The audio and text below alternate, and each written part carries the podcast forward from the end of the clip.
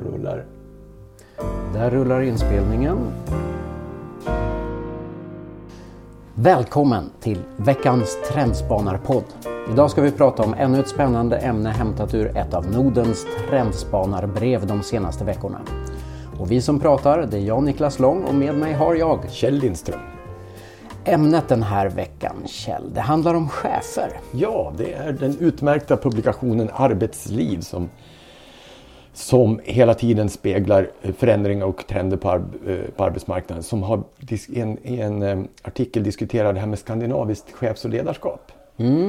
Eh, och säger så här att gemensamt för skandinaviska chefer är att involvera medarbetarna och ge dem frihet under ansvar, visar en ny undersökning.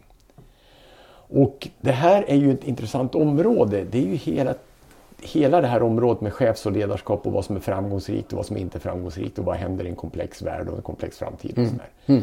Mm. Eh, och eh, vi har ju pratat mycket om det här med kontroll och tillit genom ja, åren. det ju hela det. Det är en av våra enorma käpphästar. Absolut. Och vi har roat oss med att skriva artiklar om det också. Och, och, det som vi ofta går in på då när vi, när vi skriver och diskuterar de här frågorna det är ju NPM, New Public Management. Mm. Som ju kortfattat är försöket att betrakta offentliga verksamheter som företag. Ja. Med företagets språk, företagets verktyg, ja. företagets modeller och så. Eh. Och, och sen i följdverkningarna av det, för det, det är ju inte bara som vilket företag som helst. Utan det är ju som ett, ett producerande företag, ett, ett produktproducerande mm, företag. Vinstdrivande ja, företag. Vinstdrivande också. Mm -hmm. men, men också ett, ett företag som, som jobbar eh, med att producera föremål. Mm. Eh, och det är ju Toyota eh, som, som är förebilden för ja, det här som, som ju många känner till. Um, men grejen är ju att när, när jag tänker på hur man, hur man ser på organisationen i eh, den här organisationssynen som man har så då, jag upplever att man, man eh, jobbar med organisationen som vore den ett datorprogram. Mm -hmm. Som att man kan styra alla processer fullständigt. Om man bara definierar varje process fullständigt och alla gör exakt som det står i de här processbeskrivningarna mm. så kommer allt att bli bra. Det här är en klassisk metafor för organisation. Mm. Om du minns de gamla Gareth Morgan och även ja, det finns en annan bok som som eh, var skriven av Kennedy och Bollman, Bollman and Leal, eller vad de nu hette, som hette Perspektiv på organisation. Ja. Så lyfter båda fram att det klassiska synen på organisation, det är att organisationen är som ett maskineri. Och ett maskineri kan man vara väloljat och mm, väldefinierat. Mm, och, mm. och hela det här NPN grundbult är förmodligen organisationen som ett väloljat maskineri. Mm. Eh, och eh, frågan är om det har funkat i någon organisation överhuvudtaget. Men om man börjar ställa in värdeoljade maskinerier i väldigt komplexa samhällsfunktioner så är det svårare. Jag tror att det, det, det är en mm. del av NPMs mm. Eh, tillbakagång idag, alltså man diskuterar det, det är att det faktiskt inte klarar av den här komplexiteten som finns i de offentliga verksamheterna. Mm. Att man faktiskt inte är skapad för att göra vinst. Bara en sån sak. Mm. Och då kan man ju fundera över det här skandinaviska ledarskapet och så som ju har varit väldigt framgångsrikt. Ja. Är det överhuvudtaget möjligt att att, eh, vad ska man säga, eh, återskapa det med någon form av robotar eller någonting. Och... Ja, du tänker så? Ja. Alltså det, det jag har förstått eh, av, av det här, jag menar den skandinaviska framgången består väl av en antal olika saker. Men en del har ju varit sådana här banbrytande uppfinningar. Men jag tror ja. också att det handlar ganska mycket om hur man har organiserat, tänkt organisation och mm. chefs och ledarskap. Och om, man, om man tittar på det här inkluderande, jag menar, man pratar med människor innan man fattar mm. beslut. Så är det liksom grundbulten i att hantera komplexa system. Jag tror att, att det skandinaviska ledarskapet ligger ganska långt framme när det gäller att, att hantera komplexa system under ständig förändring. Mm. Därför att man jobbar precis på det sättet mm. som man ska hantera komplexitet. Man tar in olika synpunkter och fattar beslut utifrån det. Ja, så utifrån det så tänker jag, vi har ju pratat tidigare om det här med, med jobb som försvinner när det kommer robotar och så här. Mm. Hur, eh, hur tänker du omkring det här? Det blir, det blir svårt att ersätta skandinaviska chefer. Lättare att ersätta amerikanska chefer tror jag som ja, är väldigt de, mycket fyrkantigare. De gjorde ju någon undersökning som jag tror vi diskuterade om, om hur amerikaner såg på att bli ersatt, få, få sin chef ersatt av en robot. Och de flesta var ju ganska positiva. och, det, och det undrar jag, eh, den skandinaviska ledarstilen när den, när den fungerar. Mm. Eh, så tror jag att det är mycket svårare att, eh, att robotisera. Mm. Det, det, det, är för, subtilt på något mm. vis då, eh, tänker jag mig. Ja. Men om vi ska blicka vidare lite grann utifrån den här artikeln och fundera. Så, så du nämnde ju uppfinningarna, skandinaviska mm. uppfinningar. Mm. Och så har vi det här skandinaviska ledarskapet som det, som det har skrivits en hel del om genom åren och som är väldigt speciellt och, och lyhördhet och, och öppenhet för det komplexa och så.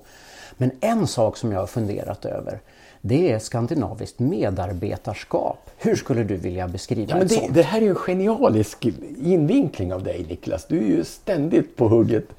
Ja, men jag tror att om man nu skulle ha ett skandinaviskt medarbetarskap som matchar det skandinaviska ledarskapet. Därför ja. att det är ju två delar ja. av samma mynt. Så föreställer jag mig att det skandinaviska medarbetarskapet kommer innehålla ganska mycket av organisatoriska frågor. Alltså det som har varit en klassisk chefen som leder och fördelar arbetet. Att det skandinaviska medarbetarskapet bygger på att man har tillit till att medarbetare faktiskt i ganska många frågor kan, kan tänka ut organiseringen själv. Mm. Och att man låter dem mm. göra det också. Ja, och inte bara att man, man ger ansvar utan man har ett medarbetarskap där man tar ansvar. Ja, ja absolut. Ja. Och, och därför att man gör det i, i andra delar. Vi har alltid hållit på mm. sådär. Mm. Eh, så att eh, eh jag tror att det här med ökade grader av organisationsfrågor i ett, i ett, medarbetarskap tror jag skulle vara ett ganska typiskt medarbetarskap som hanterar mm. ett skandinaviskt ledarskap. Mm. Eh, och det, ja, men jag, alltså, på något vis så, så, så kom det in, jag tänkte på det här som du resonerade om när vi satt och förberedde oss. Artificiell empati. tänkte jag var speciellt. Ja, Ja, det där, det där blir ju ett dilemma när man ska försöka, eh, försöka robotisera cheferna. Mm. Jag menar, hur, kan, man, kan man tänka sig hur, hur är en chef som är fullständigt utan empati? Ja, en psykopatisk. Ja, en psykopatisk chef. Ja, det... Hur kul är det att ha en psykopat som Är det chef? det robotarna blir? Ja, det finns ju risk för det.